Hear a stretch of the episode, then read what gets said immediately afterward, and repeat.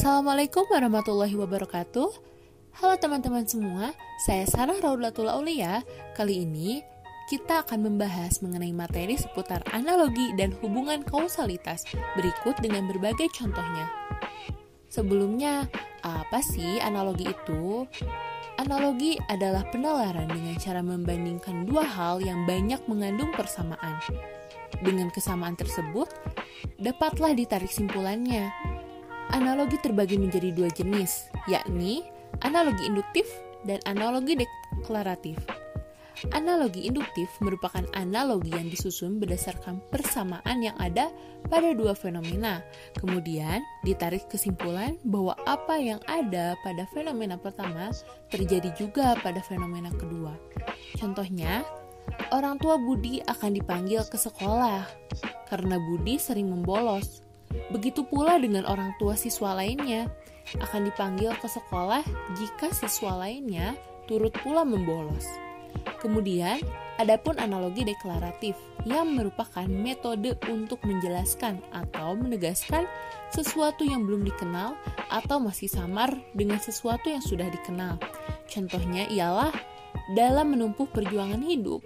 Tentunya kita menemukan banyak tantangan.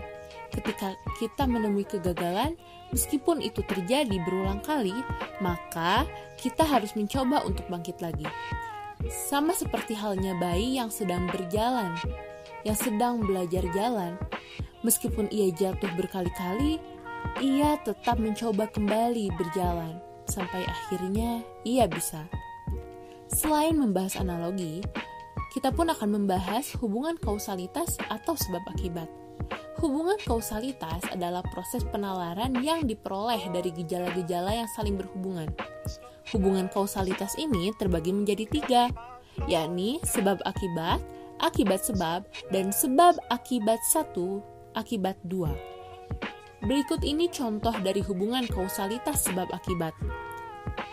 Tonas sering kali membolos sekolah. Selama duduk di semester 1, ia tidak masuk sekolah selama tiga bulan tanpa alasan.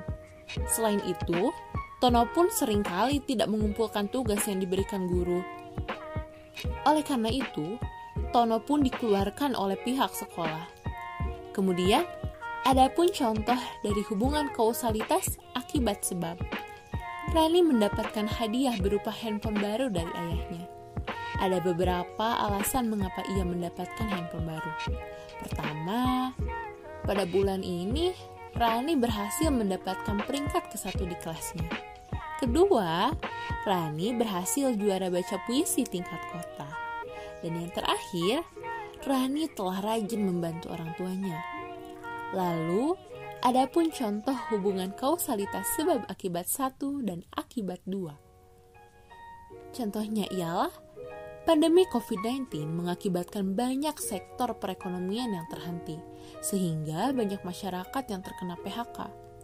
Hal ini mendorong pemerintah untuk melakukan peminjaman modal bagi masyarakat agar masyarakat bisa membentuk UKM secara mandiri sehingga masyarakat dapat bangkit secara finansial. Demikian pemaparan materi dari saya.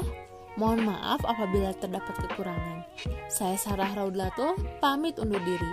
Assalamualaikum warahmatullahi wabarakatuh. Have a nice day.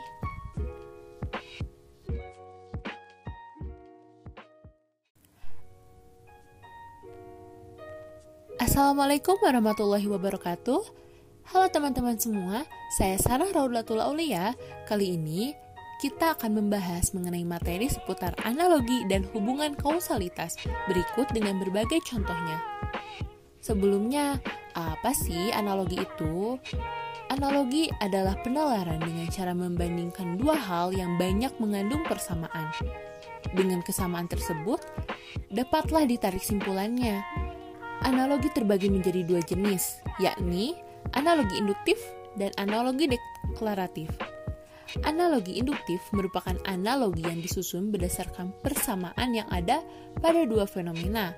Kemudian ditarik kesimpulan bahwa apa yang ada pada fenomena pertama terjadi juga pada fenomena kedua.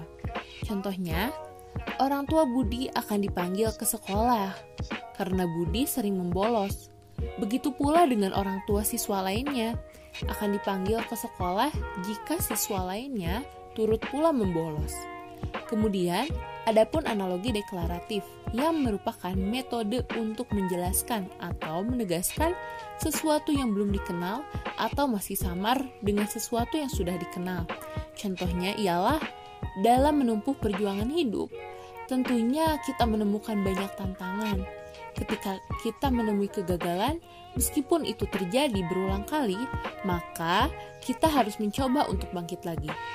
Sama seperti halnya bayi yang sedang berjalan, yang sedang belajar jalan. Meskipun ia jatuh berkali-kali, ia tetap mencoba kembali berjalan sampai akhirnya ia bisa. Selain membahas analogi, kita pun akan membahas hubungan kausalitas atau sebab akibat. Hubungan kausalitas adalah proses penalaran yang diperoleh dari gejala-gejala yang saling berhubungan. Hubungan kausalitas ini terbagi menjadi tiga, yakni sebab akibat, akibat sebab, dan sebab akibat satu, akibat dua. Berikut ini contoh dari hubungan kausalitas sebab akibat. Tono sering kali membolos sekolah. Selama duduk di semester 1, ia tidak masuk sekolah selama tiga bulan tanpa alasan. Selain itu, Tono pun sering kali tidak mengumpulkan tugas yang diberikan guru. Oleh karena itu, Tono pun dikeluarkan oleh pihak sekolah. Kemudian, ada pun contoh dari hubungan kausalitas akibat sebab. Rani mendapatkan hadiah berupa handphone baru dari ayahnya. Ada beberapa alasan mengapa ia mendapatkan handphone baru. Pertama, pada bulan ini Rani berhasil mendapatkan peringkat ke satu di kelasnya. Kedua, Rani berhasil juara baca puisi tingkat kota. Dan yang terakhir, Rani telah rajin membantu orang tuanya. Lalu, ada pun contoh hubungan kausalitas sebab akibat satu dan akibat dua. Contohnya ialah pandemi COVID-19 mengakibatkan banyak sektor perekonomian yang terhenti, sehingga banyak masyarakat yang terkena PHK. Hal ini mendorong pemerintah untuk melakukan peminjaman modal bagi masyarakat agar masyarakat bisa membentuk UKM secara mandiri sehingga masyarakat dapat bangkit secara finansial. Demikian pemaparan materi dari saya. Mohon maaf apabila terdapat kekurangan. Saya Sarah Raudlatul, pamit undur diri. Assalamualaikum warahmatullahi wabarakatuh. Have a nice day.